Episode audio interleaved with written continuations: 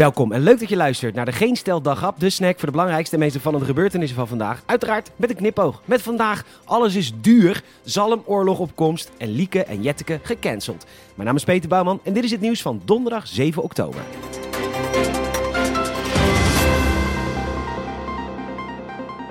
De Summer of Love werd weggedanst met Janst. We hebben ons de pest, geprikt. En nu net alles wat beter gaat, gaan alle prijzen omhoog. De woningmarkt zit op slot, de gasprijzen reizen de pan uit. En dat betekent dat ook voedsel duurder gaat worden. Ik bedoel, voedsel. Dat ze in Oeganda straks gaan zeggen: Ik heb honger. Nee, jij hebt trek. In Europa hebben ze pas honger. Niet omdat er weinig eten is, maar omdat hun gas- en woningprijzen niet te betalen zijn. Wat zijn gas en woningen, mama? De eerste tekenen van duurder voedsel komt uit het Belgische Contig, dat samen met Reet en Aartselaar de anale driehoek vormt al daar. Ik verzin het niet, de anale driehoek heeft een Wikipedia-pagina, waar ik net 20 minuten in een rabbit hole zat, want de naam verwijst ook naar het anale gedeelte van het perineum, ook wel dam genoemd of meer algemeen bilnaad, niet te verwarren met bilspleet. En dat is weer het ruitvormige gebied tussen het staartbeen, de twee zitbeenderen en de schaambeenvoeg. En dat geldt voor beide geslachten als de erogene zone. Ik dat googelen, nou wat ik allemaal gezien heb. Maar goed, de eerste tekenen van duurder voedsel komen uit België. De VRT meldt dat de eerste komkommerteler al gestopt is vanwege de hoge gasprijzen. En dat betekent minder voedsel en dus hogere prijzen. En wij maar hopen op die revival, net zoals na de Spaanse griep.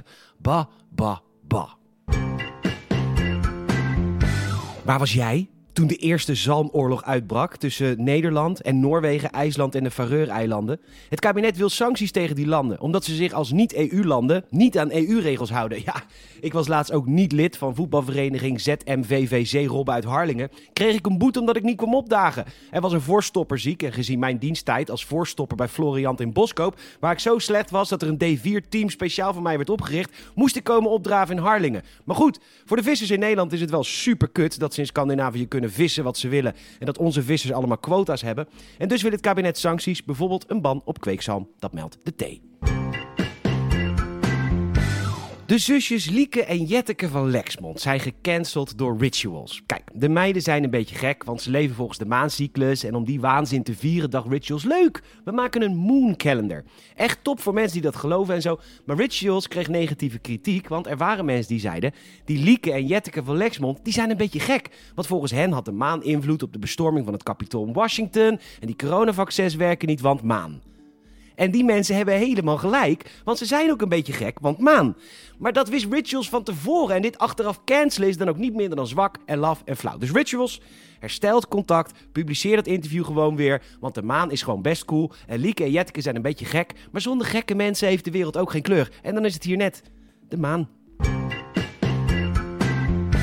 Air France KLM heeft een uitstekend verdienmodel. Ze sturen vliegtuigjes van A naar B en daar betalen mensen dan voor. Alleen, er zijn ook kosten. De dure directie moet betaald worden, het eten aan boord, de pursers, piloten, stewardessen moet allemaal betaald worden. En die kosten zijn bij Air France KLM altijd hoger dan de opbrengsten. Normaal gaat een bedrijf dan failliet, zo niet Air France KLM, want dat is de trots van twee naties. En dus krijgen ze altijd geld van de overheid. En ticket verkopen plus gratis geld van de overheid is winst. Vanwege een Franse wet heeft het bedrijf herkapitalisatie nodig voor het einde van het jaar, want anders gaan ze failliet. De schok van de Telegraaf is dan nogal wat overdreven, want dit is al jaren het verdienmodel. En bovendien ga ik in januari op vakantie naar Curaçao, dus Wopke, maak gewoon even over. Ach, wat een leuke beelden bij de Telegraaf. Mark Rutte is bij een EU-top in Slovenië om te praten over samenwerking met de westelijke Balkanlanden. Hij liep lekker te babbelen met de Albanese premier Rama. En toen wilden ze allebei dat de ander als eerste naar binnen zou gaan. Zo galant, van ladies first, maar dan met twee mannelijke premiers.